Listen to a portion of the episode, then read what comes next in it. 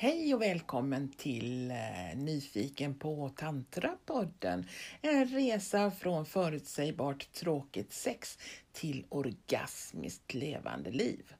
Och jag som pratar heter Anna Torsdotter och jag är utbildad sexability coach och tantraterapeut. Jag fortsätter att läsa om samtyckeshjulet på Lorenzo Stjernquists hemsida. Det allra bästa är om du i din kropp har fått uppleva vad det handlar om genom att du har gjort några grundläggande övningar.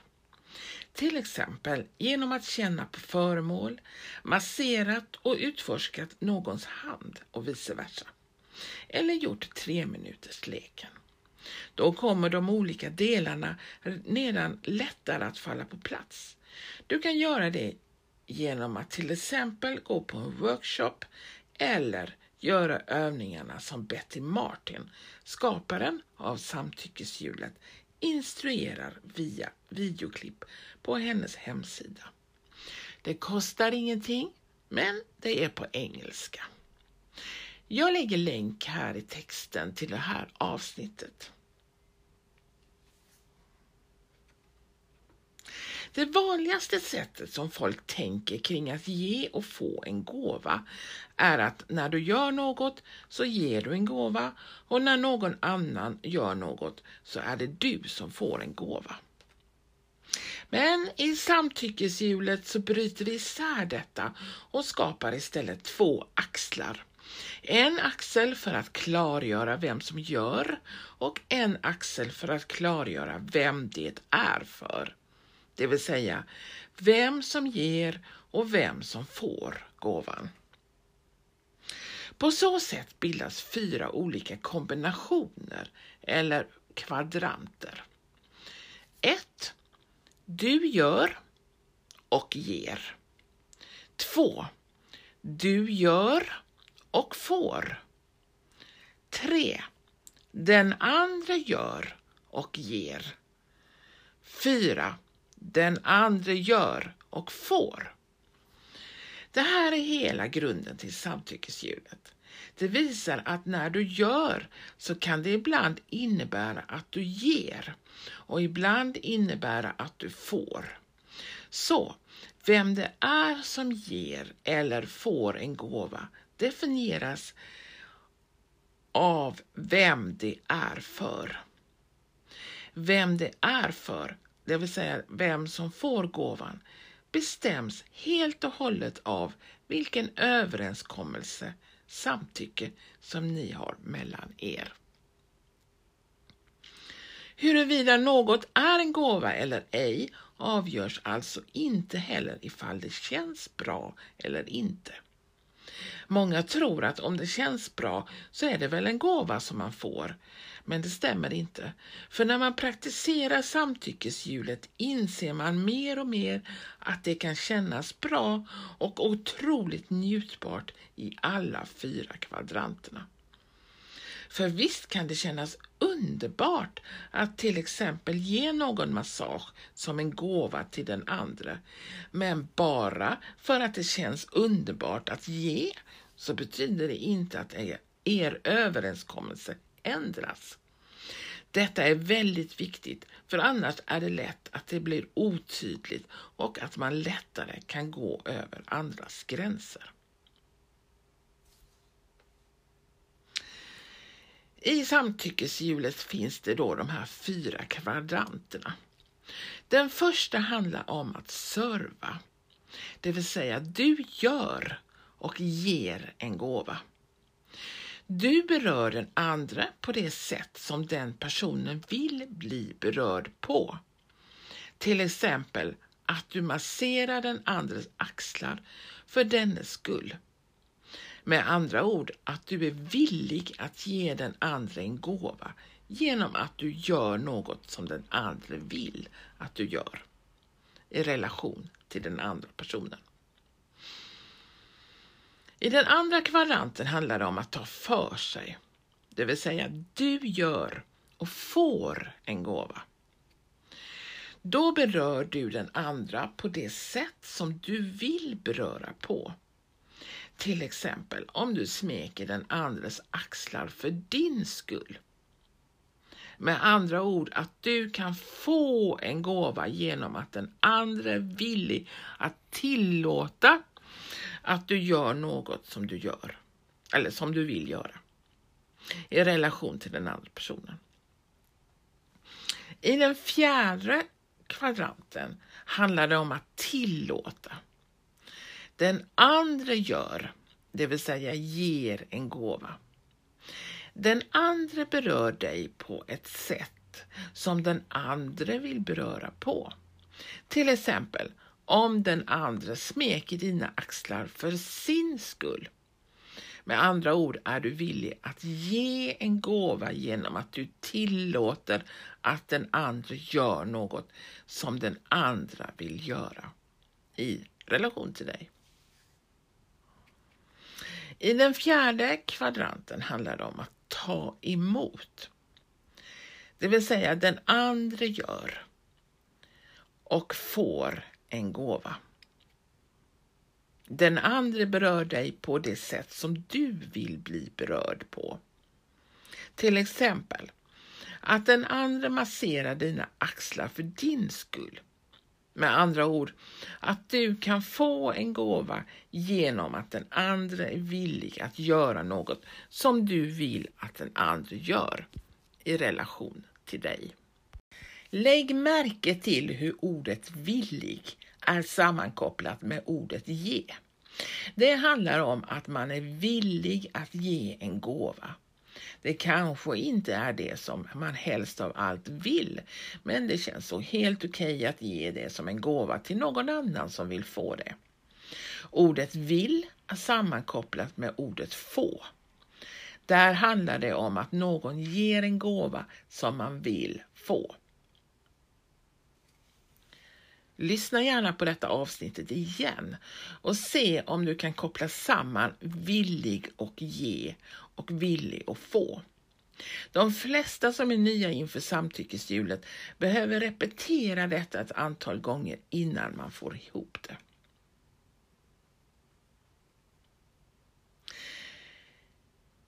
För eftersom det i varje möte inom samtyckeshjulet behöver vara en person som gör och en som det är för, så blir det bara två par av rollerna som kan höra ihop med varandra. Serva och ta emot hör ihop och kan interagera med varandra. Och ta för sig och tillåta hör ihop och kan interagera med varandra. Inga andra kombinationer fungerar att interagera med varandra eftersom det då skulle innebära att till exempel två personer skulle ge samtidigt och att två personer skulle göra samtidigt. Självklart kan man i andra sammanhang i livet exempel vara två personer som ger till varandra samtidigt. Till exempel när man kramas. Men när vi utforskar de olika rollerna i samtyckeshjulet behöver vi hålla oss till dessa två kombinationer av roller. För om två personer kramas och båda tycker det känns bra så är det bara att tacka och ta emot. Låt oss inte göra problem av något som inte är ett problem. Men om du tänker efter så har du säkert upplevt kramar som inte känns så bra och där det inte har varit tydligt för vem skull kramandet sker.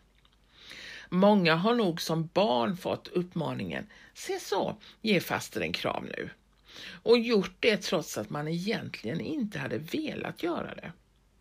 Som barn hade vi kanske inte språket eller förmågan att säga nej. Och det är kanske först i vuxen ålder som vi börjat fundera över vems skull en sådan kram verkligen var. Pilarna som du ser i mitten av det här hjulet visar också vem som gör, agerar och vem det är för, vem som får gåvan. När du servar så är det du som gör, det vill säga den gröna pilen, och gåvan kommer från dig till den andra. Röd pil.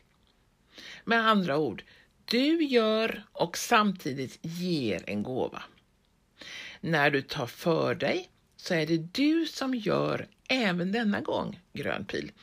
Men gåvan kommer från den andra till dig, röd pil. Med andra ord, du gör samtidigt och samtidigt får en gåva. I samtyckeshjulet betyder få att det är för dig och att det är på det sättet som du vill ha det. Och ge betyder att det är för den andra personen och vad den personen vill. Så i samtyckeshjulet förklarar orden få och ge vem det är för. Låt det sjunka in. Det är viktigt att hålla isär de olika begreppen. Att till exempel inte säga ordet ge istället för ordet servar eftersom ge även stämmer in på tillåta. Så om man då säger ge så vet man ju inte vilken av dessa kvadranter eller roller som man pratar om. Det är också viktigt att inte säga ordet få istället för ta emot eftersom få även stämmer in på ta för sig och kan då skapa missförstånd. Är du med? I andra sammanhang så skulle man utan problem kunna använda andra ord. Men i samtyckeshjulet behöver vi hålla isär begreppen så att vi vet vad vi pratar om och på så sätt kan ha ett gemensamt språk. Allt det som jag nu har läst och du har lyssnat på kan bara fungera om vi lägger till ytterligare en pusselbit genom att ringa in allt med, det mag med den magiska cirkeln som vi kallar samtycke. Alltså det är cirkeln som är runt alltihopa. Att du eller den andra gör, att en av er ger och den andra får. En servar och den andra tar emot. Eller att en av er tar för sig medan den andra tillåter. Ja, allt detta kan skapa vackra, underbara, berikande, djupa, njutbara, befriande, extatiska möten. Så länge det sker med samtycke. Om det inte finns ett samtycke så är det då utanför själva cirkeln i samtyckeshjulet och är då istället i det vi kallar för skuggsidor. Varje roll har sin skuggsida som, man kan komma till, som kan komma till uttryck på många olika sätt. Den första kvadranten som handlar om att serva. Om man servar utan samtycke så blir det martyrskap. Men det kan också bli att man gör sig bättre än den andra, att man blir som en räddare eller i sin ytterlighet att det blir som slaveri. Det vill säga att du inte är villig att göra en viss sak, men du gör det ändå. Är du med? I den andra kvadranten som handlar om att ta för sig och om man tar för sig utan samtycke så blir det ju övergrepp. Det känns väl ganska självklart. Men man kan också tänka sig att man blir en förövare. Man tar någonting, det vill säga man stjäler någonting som man inte får. Man tafsar. Det har en del råkat ut för och det är ju aldrig trevligt. Men i en förlängning så kan det ju också såklart vara våldtäkt eller krig. Alltså, det handlar om att den andra inte är villig att låta, dig, att låta dig göra det du vill göra. Men du gör det ändå. Du skiter helt enkelt i vad den andra tycker och bara tar för dig. Och då är du definitivt i skuggsidan. Den tredje kvadranten som handlar om att tillåta, det vill säga att ge utan samtycke. Då handlar man i offer. I den tredje kvadranten som handlar om tillåta, det vill säga eh, man tillåter eh, utan samtycke, då blir man ju ett offer. Eh, då tolererar man det som händer. Man härdar ut. Man blir eh, en dörrmatta som ingen tar hänsyn till vad den tycker. Man blir helt ryggradslös och helt passiv. Det vill säga att du inte är villig att låta den andra göra en viss sak, men du tillåter den personen att göra det ändå. Är du med? Alltså det är en viss skillnad. I den fjärde kvadranten som handlar om ta emot, det vill säga få någonting. Och det, om man gör det utan samtycke, då är man en snyltare. Man antar att det bara är självklart att, ta, ta, att göra det här och eh, man går in i slags slaveri. Det vill säga att den andra inte är villig att göra en viss sak för dig, men du ser till att den personen gör det ändå och bara tar det för givet. Mm. Tål att funderas på. Ett annat exempel på hur du kan hamna i skuggsidan är om du inte är kvar i den kvadrant som du har fått samtycke till.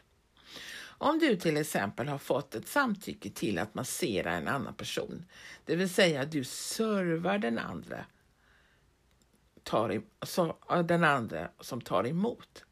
Men att du efter ett tag börjar ta för dig genom att beröra den andra på ett sätt som du vill utan att fått ett samtycke till det. Då hamnar du i skuggsidan.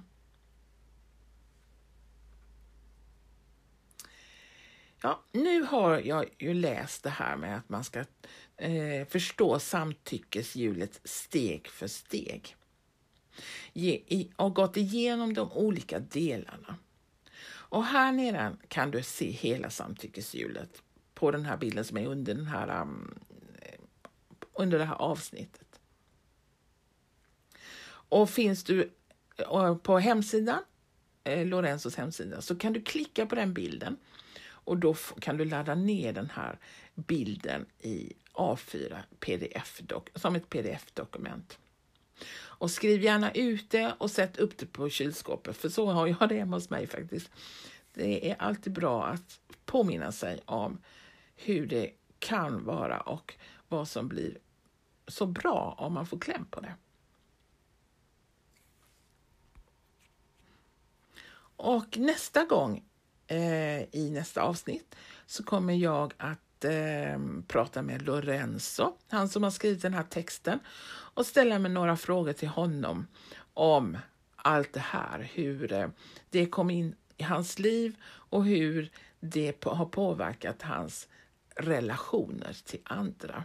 Och har du no nu någon fråga som har dykt upp under tiden som du har lyssnat så är du varmt välkommen att mejla mig eh, dem så ska jag ställa dem till Lorenzo och eh, så får du svar helt enkelt. Så tack för att du har lyssnat så här långt så hörs vi nästa vecka.